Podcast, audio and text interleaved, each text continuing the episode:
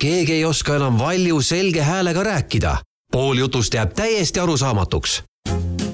kui teil on sama mure, pöörduge Audiomeet kuulmiskeskusesse Kotka tervisemajas. broneerige aeg helistades viis kolm kolm üks üks null üheksa üheksa või meie kodulehelt kuulmiseni.ee. tere, saade, mida te kuulate, on Elustiil ja minu nimi on Teele ja just nimelt äh, kuulmisest me täna lähemalt äh, rääkima hakkamegi ja selleks puhuks olen stuudiosse kutsunud ühe väga haruldase ameti esindaja Eestis, nimelt audioloogi, keda Eestis pidavatki olema ainult kolm. nii et tere tulemast stuudiosse, Maris Kruusmaa tere, aitäh kutsumast! Räägime kõigepealt kohe selle ära, ma olen nagu nädalaid mõelnud selle peale, et kuidas on see võimalik, et Eestis on kolm audioloogi, miks nii on, kas me ei, kas meile, eestlastele ei ole rohkem vaja või see on nii eksklusiivne amet, et esimesed kolm on jõudnud Eestisse või mis värk sellega on? no ma kohe võin öelda, et võib-olla parandada, et meid nüüd on neli oi-oi-oi mitte, et see võib-olla asja tohutult palju paremaks teeks. tohutult palju rohkem sest nüüd sügisel naases siis Eestisse neljas mm, -hmm. kes läks siis tööle Tartusse ja siis samal ajal läbima kõrvaarsti residentuuri. noh, nii-öelda, et ta on audioloog ja siis millalgi mõne aasta pärast on kõrvaarst ja audioloog. aga need siis kolm te,, need teised kolm audioloogi, nemad on siis Tallinnas või kus nemad on? üks on Tartus Aha. ja kaks on Tallinnas selge, et ja kaks ja kaks praegu, siis kokku? hetkel nii jah, ja üks on tegelikult mm -hmm. praegu veel Suurbritannias, nii et teda me ootame alles tagasi et ta ei ole meiega veel liitunud. aga kuidas see võimalik on, et, et audioloogia nii vähe on? Ehm, põhimõtteliselt võib-olla lihtsalt öelduna, et eh, ta on Eesti mõistes väga uus eriala mm, -hmm. teda nagu Eesti mõistes eraldi erialana saab öelda, võib-olla ei eksisteerigi et, ähm, et, ähm, et ei saa öelda, et audioloogi tööd ei oleks Eestis varem tehtud. Äh, lihtsalt meil on olnud nagu äh, inimesi tööl kes tegelevad teatud sellise audioloogia valdkondadega, selliste üksikute valdkondadega, kas nad siis teevad kuulmisuuringuid või nad sobitavad kuuldeaparaate mm. -hmm. Nad on saanud siis kas täiendkoolitustel oma õppe või töökoha nagu põhisõppe, ähm, et aga need kaasaegse väljaõppega audioloogid, keda siis noh, nii-öelda neli, kes nagu kannavad audioloogi nimetust nii-öelda mm, -hmm. et nemad on siis saanud sellise laiapõhjalise sellise magistritaseme väljaõppe, et nemad nagu saavad lihtsalt sellist noh, nagu nad teevad kõiki neid asju, valdavad asju, saavad keerulistema juht-, keerulisemate juhtumitega ka hakkama. kus saab audioloogiks õppida? Äh, võimalusi üle maailma on päris palju mm -hmm. ja seda sellepärast, et, et noh, audioloogia maailma mõttes ei ole üldse uus eriala.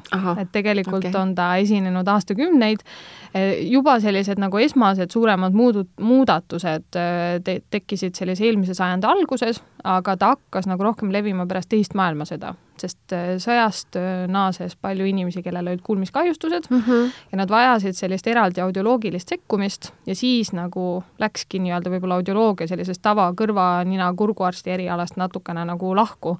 Nad mm -hmm. ikkagi, audioloogid teevad kogu aeg arstidega koostööd et, et sellepärast ma nagu mainikski ära ka, et audioloog ei ole arst, vaid mm -hmm. ta mhm. on saanud sellise tervishoiualase põhjaliku väljaõppe, ehk siis me nagu nii-öelda teeme uuringuid, teeme kuulmisuuringuid, teeme tasakaalu-uuringuid, sest audioloogia ise hõlmab ennast nii kuulmist kui tasakaalu. et me täna räägime küll rohkem kuulmisest mm, -hmm. aga, aga et kuna noh, kõrvas kuulmise tasakaalu ase-, elundid asetsevad kõrvuti, siis, siis noh, ta hõlmab endast mõlemat ja, ja audioloogi ülesanne on siis teha uuringuid, koguda infot, et milles on probleem eh, ja nõustada ja aidata siis just rehabilitatsiooni ja selliste harjutuste kuuldeaparaatide osas, et meie ei määra ravi, aga me töötame sageli arstidega nii-öelda koos.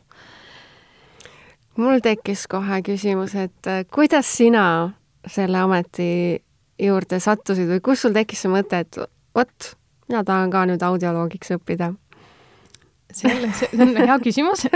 Eh, sellel on eh, tegelikult selline nagu eh, noh, see tuli päris ammu, aga see mhm. tuli võib-olla sellega seoses, et ma ise olen olnud hästi palju seotud muusikaga terve oma elu, nii-öelda laulmise ja pillide ja erinevat pidi. ja kuidagi see kuulmine ja helid ja kõik see muutus mulle nagu isiklikult hästi huvitavaks ja, ja selliseks nagu, nagu oluliseks uh. Mhm. -huh.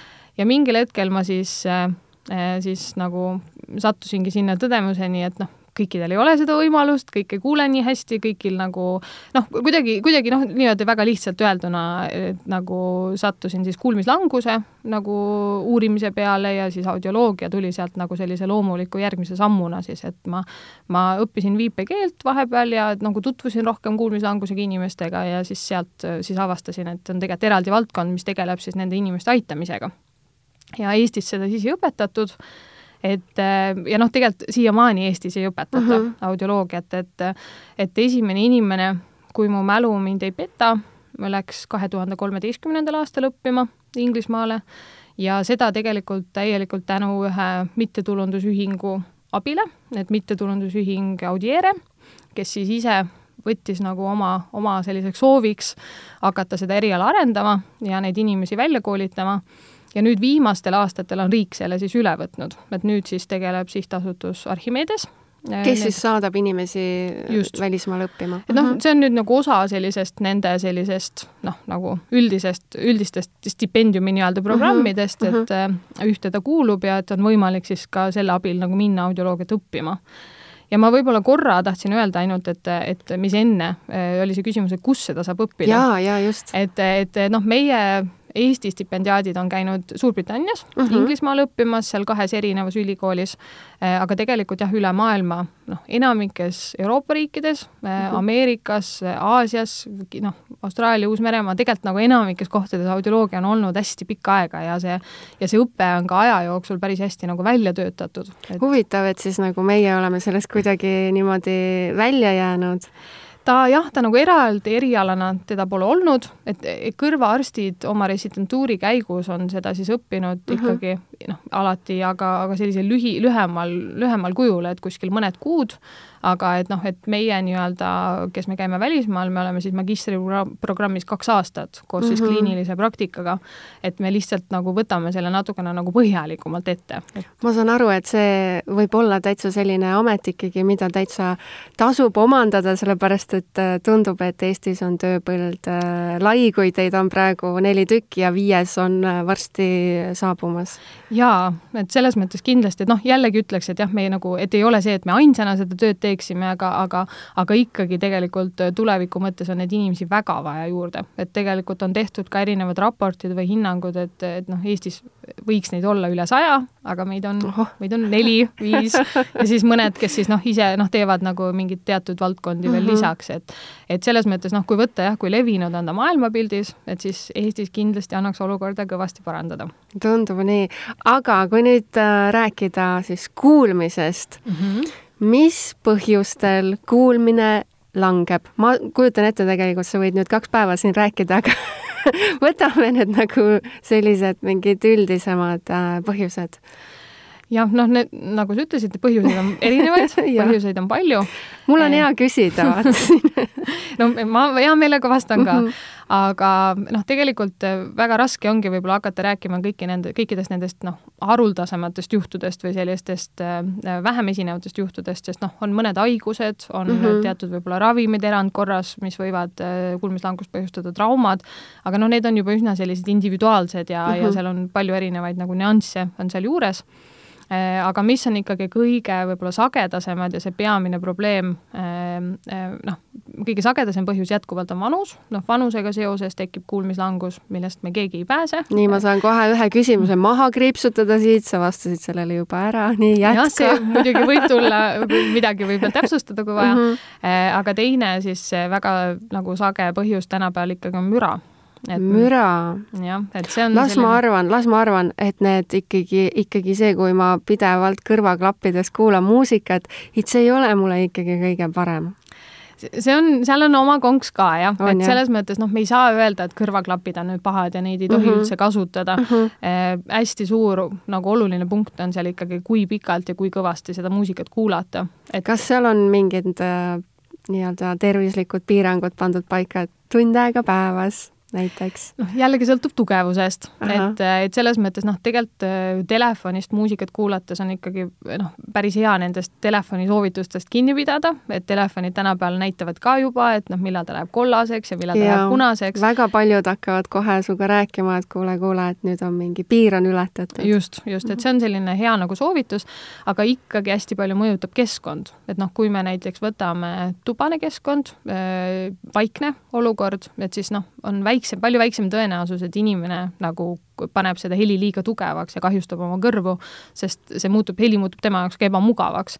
aga kui me näiteks võtame õuekeskkond, äh, ühistransport, kus muid helisid on ümber nii palju, siis sageli tegelikult pannakse see heli palju tugevamaks, kui aru saadakse mm. -hmm. sest lihtsalt sellest muust foonist peab see heli olema nii palju tugevam kas see võib tähendada ka seda, ma nüüd hakkan tohutult üldistama siin praegu mm, -hmm. aga et, et näiteks inimesed, kes elavad maal versus siis inimesed, kes elavad linnas, et linnainimestel on kuulmisega rohkem probleeme, näiteks nii võib-olla täitsa öelda ei saa jah, et, et, et noh, vähemalt ma ei tea, et teadus, teadusuuringud oleks nagu sellise tõdemuseni jõudnud, et muidugi linnas on sellist üldist fooni on palju rohkem, aga et ikkagi noh, ma arvan, et tänapäeval peamiseks probleemiks on siis noh, noh, tähendab, varasemalt on olnud peamiseks probleemiks tööstus, noh, nagu tööga seoses, et inimesed puutuvad kas mürarikaste masinatega kokku.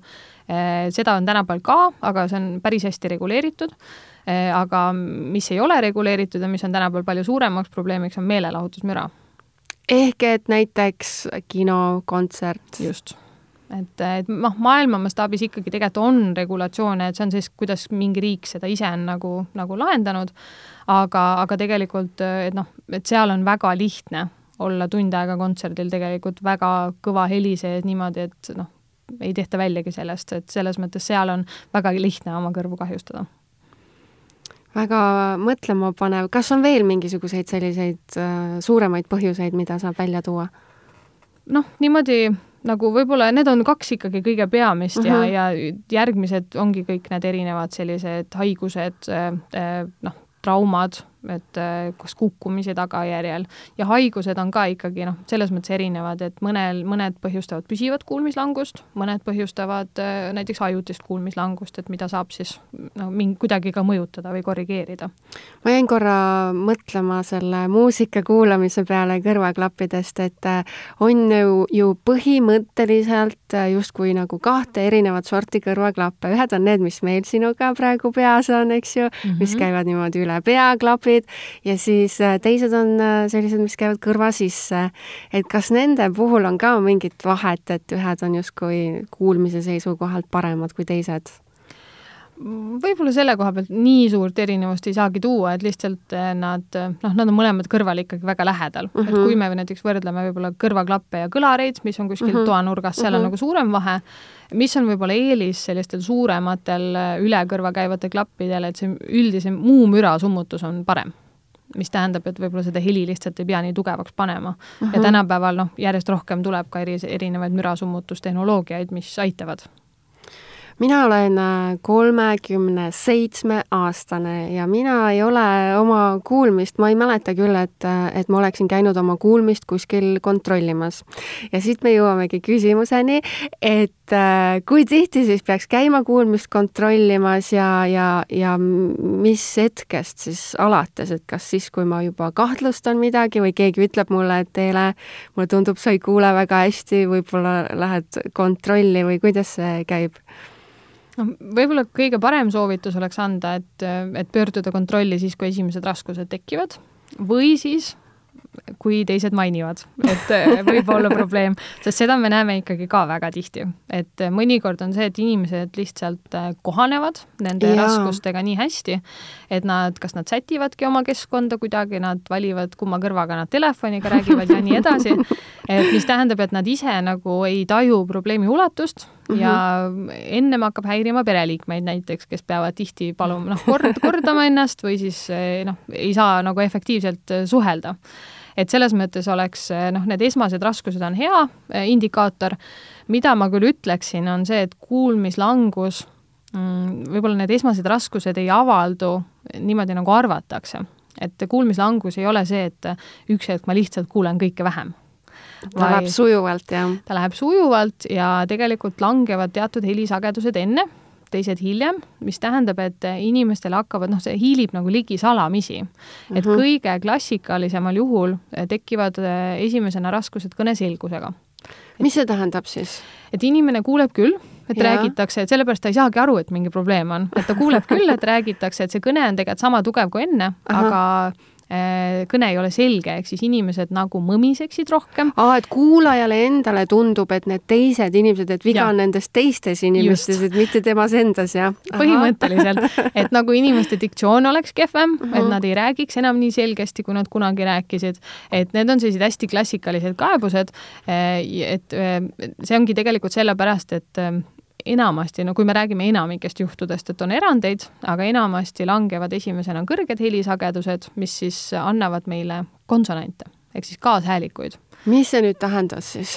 ehk siis see ongi nagu selline kõneselgus või kõneteravus, et inimene aha. nagu kuuleb rohkem nagu kaas- ka,, täishäälikuid kuuleb, kuuleb ikka aha, uh -huh, ja täishäälikuid uh -huh. nagu või kaashäälikuid just kuuleb vähem uh, -huh. mis tähendab, et noh, näiteks kui me võtame äh, äh, lamp või lant uh -huh., noh, tegelikult ju lõpus on ainult väga üksikud häälikud, mis nagu määravad selle sõna tähenduse. ta kuuleb nagu seda algust ja siis see lõpp just. kaob tal kuhugi ära. ja eriti need raskused avalduvad keerulistes oludes ehk siis on hästi klassikaline, et näiteks üks-ühele inimesel võib olla pikka aega kõik väga hästi, aga kui ta on mürakeskkonnas, siis ta, see kõne tajumine, nende häälikute tajumine on keeruline ja tal tekivad raskused palju kiiremini.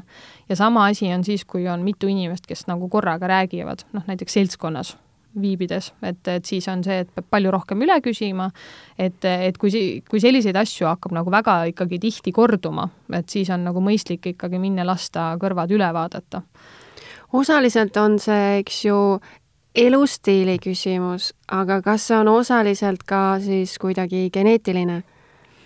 mingil määral ikka jaa, et selles mõttes eh, noh, me kunagi ei tea, kui, kui no mis meie selline geneetiline eelsoodumus on, et, et kui kiiresti meil need nii-öelda kõrvad kahjustada saavad, et, et sest kui nagu tekib selline püsiv äh, muutus, noh, kas vanusega seoses või müraga seoses, see on pöördumatu noh, et need rakke, meil ei ole võimalik selles mõttes neid rakke taastada kuidagi. ehk et kui kuulmine on juba läinud äh, nii-öelda halvaks, siis seal ei ole nagu nii tagasiteed, et oh, teeme nüüd korda, hakkame mingit kuulmise trenni tegema ja siis enamikel juhtudel küll, jah. et noh, nagu mm -hmm. kui me saamegi rääkida, et kui see on mingi haigusega seotud, siis seal võib olla mingi täitsa teine põhjus, aga kui me räägime ikkagi sellisest noh, klassikalisest kas vanusega seotud või mürakahjustusega seotud, siis üldiselt on ta ikkagi püsiv, et, et siis jah, nii-öelda nagu mingeid trikke teha, et seda nagu paremaks saada, meditsiinilises mõttes pole, et siis tulevadki mängu kuuldeaparaadid juba.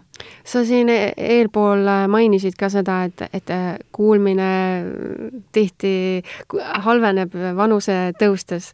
kas siin on mingeid uuringuid, et vot nüüd alates, ma ei tea, viiskümmend viis pluss, vot nüüd sul hakkab siit vaikselt kuulmisega probleeme tekkima, et nüüd võiks minna kontrolli või sellist mingit vanusepiiri otseselt ei ole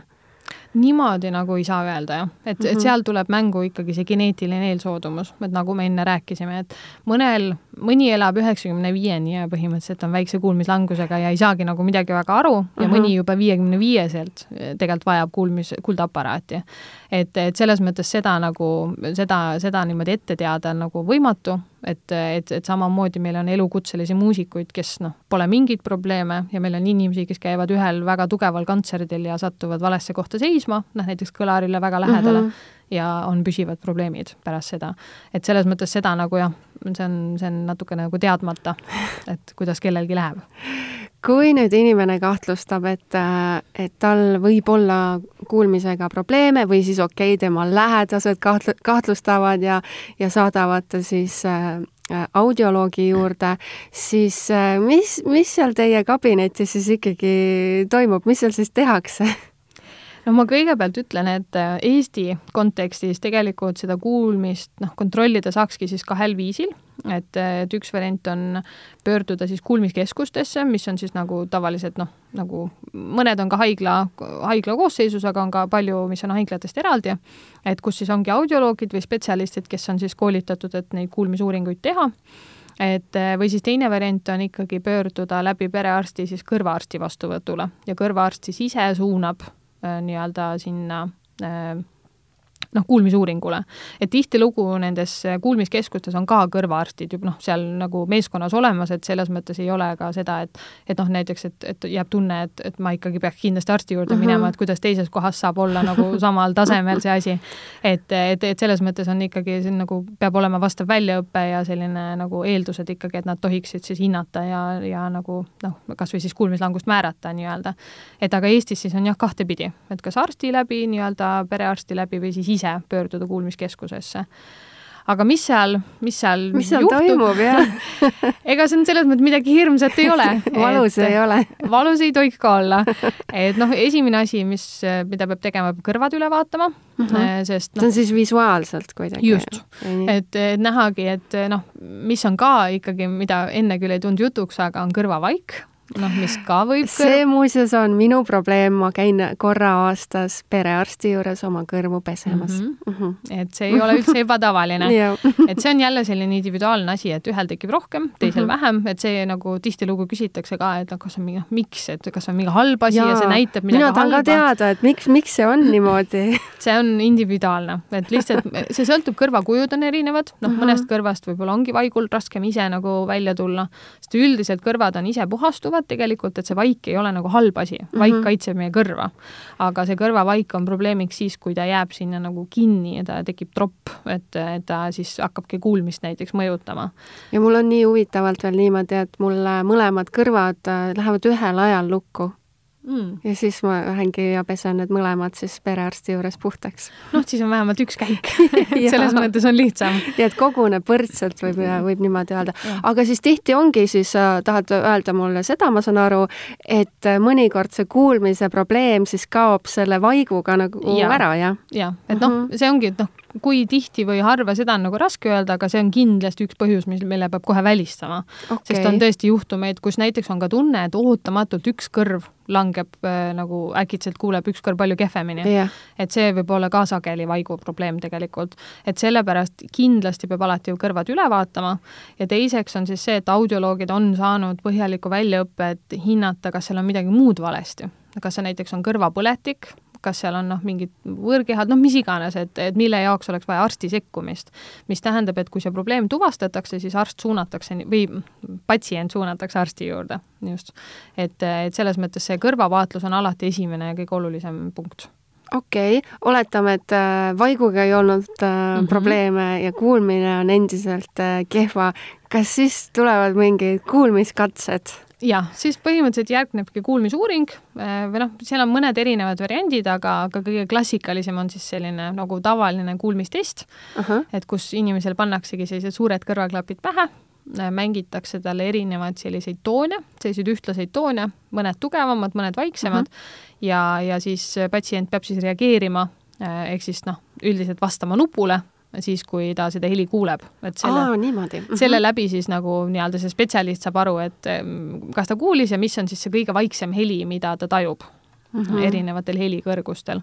ja see on ka siis selle testi läbi me saame siis tegelikult väga täpse tulemuse erinevatel helisagedustel, kuidas see inimene kuuleb, et see ongi see põhjus, noh, miks, miks me saame öelda, et enamasti need kõrged helid nagu langevad enne ja selle järgi siis see on ka väga oluline test, et see on aluseks kuldaparaatide seadistamisel, kui on vaja neid äh, nagu kanda. aga see siis tähendabki põhimõtteliselt, et äh, kui nüüd äh, seal kuulmistestis tuleb ka välja, et kuulmisega ongi probleeme, siis talle seadistatakse siis personaalne kuulmisaparaat ja nii-öelda kuulmine ongi selle aparaadi siis vahendusel nagu taastatud, jah? Või ei ole nii lihtne see asi? Nii lihtne just ei ole, siin oli mitu õiget punkti oh, ja üks ka, üks ka selline nagu, millele ma tahaks tähelepanu kus ma juhtima. mööda panin? Noh, mööda just ei saa öelda, et oleks pandud, aga, aga et selles mõttes jah, kui see kuulmislangus on tuvastatud, siis esimene tegelikult ülesanne on leida üldse, millised abivahendid oleks patsiendile sobilikud noh, kõige tavalisem variant ongi klassikaline kuuldeaparaat, kuigi neid on ka erinevat tüüpi, mis tähendab, et see nagu see algne või esialgne nõustamise pool on väga oluline, et mm -hmm. patsient saaks pärast aru, kuidas seda kasutada, ta oskaks seda hooldada ja nii edasi. et seda siis tehakse, siis saab proovida, et kas see inimesele sobib, kas talle see meeldib, kuidas ta kuuleb kui talle see sobib, siis ta noh, või noh, tegelikult juba enne proovimist see seadistatakse nagu täpselt individuaalselt selle kuulmisuuringu järgi ära. ehk siis noh, meil on tänapäeval päris häid võimalusi, et seda võimalikult individuaalselt seadistada, et ja mis on hästi-hästi oluline, ongi see, et et ähm, kuuldeaparaadid noh, neid ei ole nagu selles mõttes universaalseid, et ei ole see, et, et näiteks mulle sobib ja sulle sobib ka et, et ta peab nagu olema ikkagi väga täpselt, noh, selles mõttes, et ta võib sobitada, sobida küll, aga ta peab olema sobitatud ikkagi inimesele jaoks nii-öelda, et niimoodi pakist tulles ta ei sobi noh, mõlemale nii-öelda. et, et see on, see on üks koht, kus ma tahaksin juhtida tähelepanu, et, et kui on ja seda on viimastel aastatel olnud päris palju, et kui nähtakse reklaame või mingeid selliseid uudiseid, mis lubavad äh, imelist taastumist, kuulmise taastumist kas mingitest tablettidest või mingitest tilkadest, siis tegelikult see ei ole võimalik, et see on üldiselt ikkagi petu, petu, petuvärk ja teiseks on siis see, et kui lubatakse selliseid universaalseid seadmeid, mis sobivad kõigile ja parandavad ka veel kuulmist takkaotsa, seda loomulikku kuulmist, et see taastab nii-öelda kuulmist, siis tegelikult see ei ole ka võimalik. et, et see on, et, et noh, neid kahjuks on liikvel, neid mm -hmm. reklaame, et selles mõttes, et selles osas tasub olla ettevaatlik, et see peab ikkagi olema väga individuaalselt seadistatud mis on üks punkt, millele ma veel tahtsin tähelepanu juhtida. nii, kuulame. et kui me me ei saa nagu otseselt rääkida kuulmise taastumisest. mis on kahju, muidugi. see on kahju. milline pettumus mulle et eh, sest noh, tänapäeva tehnoloogilised võimalused on head, et see kuuldeaparaatide areng on olnud tohutult kiire mm, -hmm. on palju, palju võimalusi ja lahendusi, aga, ja noh, kui isegi, kui me saame teda noh, individuaalselt seadistada ja omalt poolt proovida anda nagu maksimumi, siis me ei saa loomulikku kuulmist taastada. Et äh, tehnoloogia ei ole kunagi nii hea, kui on meie ajutasandi kuulmiskeskus, sest, äh, sest tegelikult äh, kui me räägime kuulmisest, esimene asi, mis pähe tuleb, on meie kõrvad. et see on nagu, noh, tundub uh -huh, loogiline. Uh. -huh aga tegelikult palju suurema töö teeb ära meie ajutasandil olev kuulmiskeskus, mis peab kõik need helid vastu võtma, ta peab neid töötlema, ta peab hindama seal, mis on olulisem, mis on vähem oluline. Ja, ja tegelikult noh, seda me ju kuuldeaparaatidega kuidagi ei mõjuta, seda me nagu ei, ei saa nagu manipuleerida. et, et selles mõttes seal äh, kuuldeaparaatide puhul jah, nad on head, võimalusi on palju, aga me ei saa taastada loomulikku kuulmist, me, kuulmine ei ole kunagi nii hea, nagu ta oli enne kuulmislanguse teket mis tähendab, et nagu kõige olulisem oleks ikkagi panna nagu noh, nagu rõhk sellele, et, et kuulmist kaitsta no,. Et... kuidas seda siis kaitsta, ma saan aru, et ei, ei tasu minna kuhugi suurkontserdile täpselt sinna kõlari juurde. kusjuures ma olen näinud, et inimesed teevad seda, nad nagu pigem isegi eelistavad seda. noh, seal on muud sensatsioonid, mis ja, nagu just, just. tulevad juurde, just. sinna ei tasu minna, ei tasu kõrvaklappides kuulata muusikat liiga kõvasti. võib-olla ei tasu ka karjuda oma kaaslase peale väga kõvasti, ainult niimoodi natukene valbelt see võib-olla sõltub ka, kui tihti seda teha aga mõnikord arvasid, et põhimõtteliselt nagu võiks. jah, ei ole hullu. okei, okei, aga mis veel? noh, tegelikult jah, et eks noh, mõned olulised asjad said juba mainitud, et noh, kontsertidel ikka võib käia, selles mm -hmm. mõttes, et see kuulmise kaitse ei tähenda ka seda, et nüüd pool elu jääb elamata, et mm -hmm. seda ei tohi teha ja teist asja ei tohi teha. tänapäeval isegi kontserdil käimiseks on tegelikult häid kõrvatroppe, et nad ei ole sellised nagu noh, klassikalised, nagu me kujutame ette, et apteegist ostame need švammist ja mm, -hmm. ja mhm. kõik, et noh, need on ka olemas ja mõnele sobivad väga hästi, aga tegelikult on erinevaid filtritega, et, et see muusika tuleb ikkagi võrd-, võrdlemisi loomulikult läbi, aga ta on lihtsalt vaiksem, noh et äh, kas kuulmise seisukohalt on mingisugused vitamiinid, mineraalained ka olulised, millele võiks tähelepanu pöörata? või on kõik oluline? Noh, see on nagu juba puudutab võib-olla sellist üldist tervislikku seisundit mm, -hmm. et kui on noh, millegi ainepuudused, siis ta muidugi võib mõjutada noh, noh, meie üldist tervislikku seisundit, ei ole leitud, et on nüüd mingi üks konkreetne aine, et kui seda on vähe, et siis nüüd kindlasti see kuulmine nagu peaks nagu langema.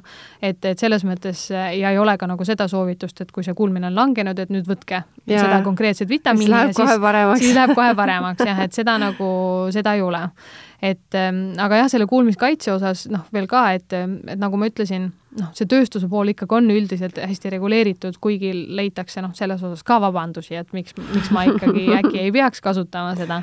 et aga noh, meelelahutuse pool on siis jah, selline vabatahtlik pool, et, et noh, seal mhm. on palju asju, mida me saame nagu ise ikkagi, ikkagi mõjutada vähemal või rohkemal määral nii-öelda aga tulles tagasi nende kuuldeaparaatide juurde, et äh, mida inimene või millega inimene peaks arvestama, kes äh, saab endale kuuldeaparaadi, et kas midagi olulist veel tema elus muutub, et ma ei tea, nüüd ta ma ei tea, ei, enne tegi midagi, mida ta nüüd selle kuuldeaparaadiga enam ei saa teha näiteks, kas midagi muutub nagu halvemaks ka?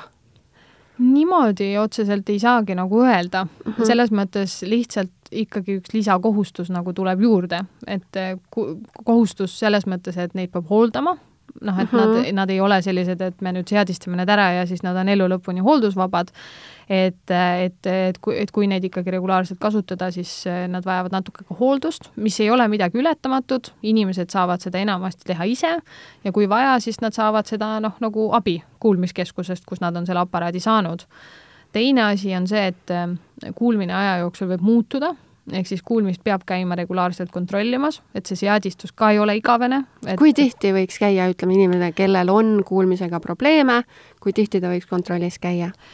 Mina üldiselt annan soovituse, et kuskil iga ühe-kahe aasta tagant oleks täitsa mõistlik käia mm. -hmm. et noh, iga ühe aasta tagant on juba see, et see võimaldab ka kuuldeaparaadi üle kontrollida, et ega seal ei ole mingeid probleeme või tõrkeid tekkinud. ja teiseks on siis see, et näha, kas ja kui kiiresti see kuulmine muutub et noh, muidugi on see, et kui kuulmine noh, kolm aastat käia iga aasta kontrollis ja on näha, et see kuulmine on väga stabiilne, aparaadi eest hoolitseb ilusasti, et noh, muidugi siis on see, et seal ei ole sellist väga ranget nõuet, et nüüd tingimata peab tulema, et siis võib ka pöörduda, noh, kui tekib mingi probleem nii-öelda aga, aga, aga see on selline iga ühe-kahe aasta tagant on võib-olla hea lihtne äh, asi, mida, mida meeles hoida. mis see kuuldeaparaatide selline keskmine eluiga on? Aastaid. Seda on jällegi raske öelda, et, et selles mõttes on inimesi, kes kasutavad viis, kümme, mhm. kaksteist aastat. Ehm, aga noh, riigi, Eesti riigis on selline süsteem, et riiklik toet-, noh, kuna riik toetab kuuldeaparaatide ostu, mis, mis on väga tore, et ja toetab mõlema kõrva jaoks, mis on veel toredam, et, et see ma ei tulnud selle pealegi, et just, et alati nii ei olnud, aga see on noh okay., nüüd on, et see on Aha. nagu, see on väga-väga tänuväärt, et, et riiklik toetus kehtib neli aastat täiskasvanutele, mis, mis tähendab, et noh, mõni võtabki eesmärgiks, et ma iga nelja aasta tagant lähen vaatan, mis tehnoloogia nagu on muutunud, noh, et mis uued võimalused on, just mhm. võib-olla, noh, kui mhm. see annab rohkem kui eelmine, et selles mõttes, et hästi palju ikkagi sõltub ju inimese vajadustest, et seal ei ole nagu sellist ranget reeglit, et nüüd tingimata on vaja, et kui inimene tunneb, et ta saab selle eelmisega hästi hakkama, see töötab, siis miks mm -hmm. mitte, see on, see on, see on, kõik on väga hästi, et aga ma saan aru, neid kuuldeaparaatide tootjaid, neid on siis kohe ikka palju, jah? Neid on ikka erinevaid jaa, et noh, maailma mastaabis noh, ongi selliseid kas suuremaid või väiksemaid kuuldeaparaadi tootjaid, et nagu ma ütlesin, noh, tegelikult maailma mõttes see audioloogia on ikkagi ju mitmekümneid aastaid eksisteerinud, et ta ei ole uus valdkond. ja Eestis on ikkagi kõik suuremad firmad esindatud, nii et selles mõttes kuuldeaparaatide valiku osas ei ole üldse Eestis kehv seis no vot, ma olen nüüd nii palju targemaks saanud ja ma loodan, et meie kuulajad äh, samamoodi, aga mul on ikkagi üks viimane küsimus äh, sulle, et, äh, et lihtsalt saada aru nagu sellest kuulmise probleemi mastaapsusest, et kui suur probleem on kuulmisega Eestis, et kas on tehtud mingit statistikat või, või, või kas sa näed, et, et see probleem nagu kogu aeg suureneb, et sinu juurde tuleb järjest rohkem kliente? Neid ikka käib ja mm -hmm. eks mhm. ma arvan, et neid edaspidi tuleb ka järjest rohkem, sest mm -hmm. maailma mõttes kuulmislangus on kindlasti süvenev probleem. Neid inimesi on palju Eestis... müra on järjest rohkem, on ju. just, ja noh, eks mhm. inimesed elavad kauem, selles mõttes vanusega seotud probleeme ka nagu on järjest rohkem. Äh, Eestis statistika kahjuks puudub, noh, meil ei ole, ma ei saa numbriliselt mm -hmm. öelda, palju on Eestis kuulmislangusega inimesi. Äh, maailma Tervishoiuorganisatsioon hindab, et kuskil viis protsenti elanikkonnast üle maailma, ehk siis kuskil pool pool miljardit oli see vist, kui seda ma õigesti mäletan. seda ei ole vähe, aga seal on hästi oluline konks selles juure, selle juures, et arenenud riikides on see protsent kuskil kuusteist kuni kakskümmend protsenti. Arenenud riikides just sellepärast, et seal on ka seda müra rohkem, noh, võib-olla müra, aga inimesed elavad ka kauem õige. et, et just täpselt need vanusega seotud äh, nagu probleemid äh,, me peame nendega rohkem tegelema, sest inimesed lihtsalt elavad kauem. et, et selles mõttes noh, kui võtta see viis protsenti ja kakskümmend protsenti, seal on tegelikult päris suur vahe, et noh mm, -hmm. Eesti ikkagi kuulub sinna arenenud riikide hulka, et siis võib hinnata, mis see nagu kuulmislanguse hulk äh,, hulk on mida võiks äh, kuuldeaparaadi omanik äh, ise ära teha, et sellest maksimaalselt äh, kasu saada?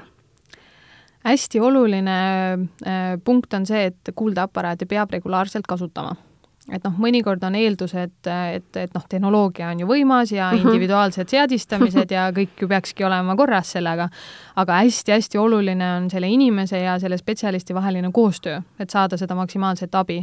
et nagu ma enne ütlesin, meil on see ajutasandi kuulmiskeskus, mis vajab õpp-, noh, ta peab õppima läbi aparaadi neid helisid uuesti kuulma ja tajuma ja see juhtub ainult kogemusega. ehk siis see võtmekoht on regulaarne kandmine et me näeme hästi palju seda, et inimene võtab selle aparaadi, ta seda peaaegu kõrva ei panegi ja see kõik on paha, paha, paha. siis ta mõtleb, miks see ei tööta. miks ta ei aita, et see on paha, aga tegelikult ajul nagu ei ole olnudki võimalust sellega nagu ära harjuda, sest esialgu on helisid rohkem, inimene tajub helisid rohkem, nad on võõramad ja see kõik läheb nagu paremaks, aga läheb paremaks ainult sellise regulaarse kandmisega. aga mida see regulaarne kandmine täpselt tähendab, et kas see tähendab, et inimene peab seda kandma kakskümmend neli tundi päevas või on ma ei tea, kuni näiteks kuusteist tundi või mingid kindlad tunnid paika pandud? niimoodi tundidega ei saa öelda, et pigem mm -hmm. lihtsalt igapäevaselt ja hästi võib-olla oluline on erinevates olukordades. et noh, näiteks, et kui inimene üldiselt kasutab näiteks kodus vaikselt ainult ja siis ta läheb seltskonda näiteks ühe korra võib-olla aastas või, või noh,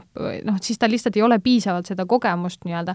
et noh, oluline on see, et, et kasutada noh, nii õues, toas, seltskonnas, üksi olles, et see aju saaks nagu võimalikult mitmekülgselt aktiivselt seda ja, ja lihtsalt proovida igapäevaselt vähemalt mõnda aega, et, et seal ei pea liimima seda kõrva sinna, et see ei ole nii range, range reegel, aga kui on noh, niimoodi, et me, et kanda seda näiteks korra kuus, noh, siis ei ole võimalik täielikult ära harjuda. siis ta ei tööta nii-öelda äh, kandja kasuks jah, ta töötab, aga ongi, et inimene ei saa maksimaalset abi sealt lihtsalt mm. -hmm. kellele see sobib, noh, võibki niimoodi teha, kui see on piisav tema jaoks, aga tegelikult, et ta oleks loomulikum ja mugavam, siis on vaja sellist regulaarset kogemust aga aitäh, Maris, et sa leidsid aega stuudiosse tulla ja meile sellist äh, kiiduväärt infot jagasid. jah, aitäh kutsumast, väga hea meelega kes tahab äh, kuulmiskontrolli minna, siis äh, Maris ootab teid Kotka kaksteist.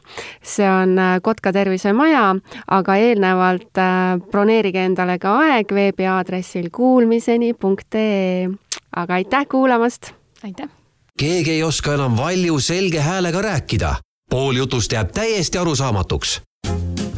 kui teil on sama mure, pöörduge Audiomeed kuulmiskeskusesse Kotka tervisemajas. broneerige aeg helistades viis kolm kolm üks üks null üheksa üheksa või meie kodulehelt kuulmiseni.ee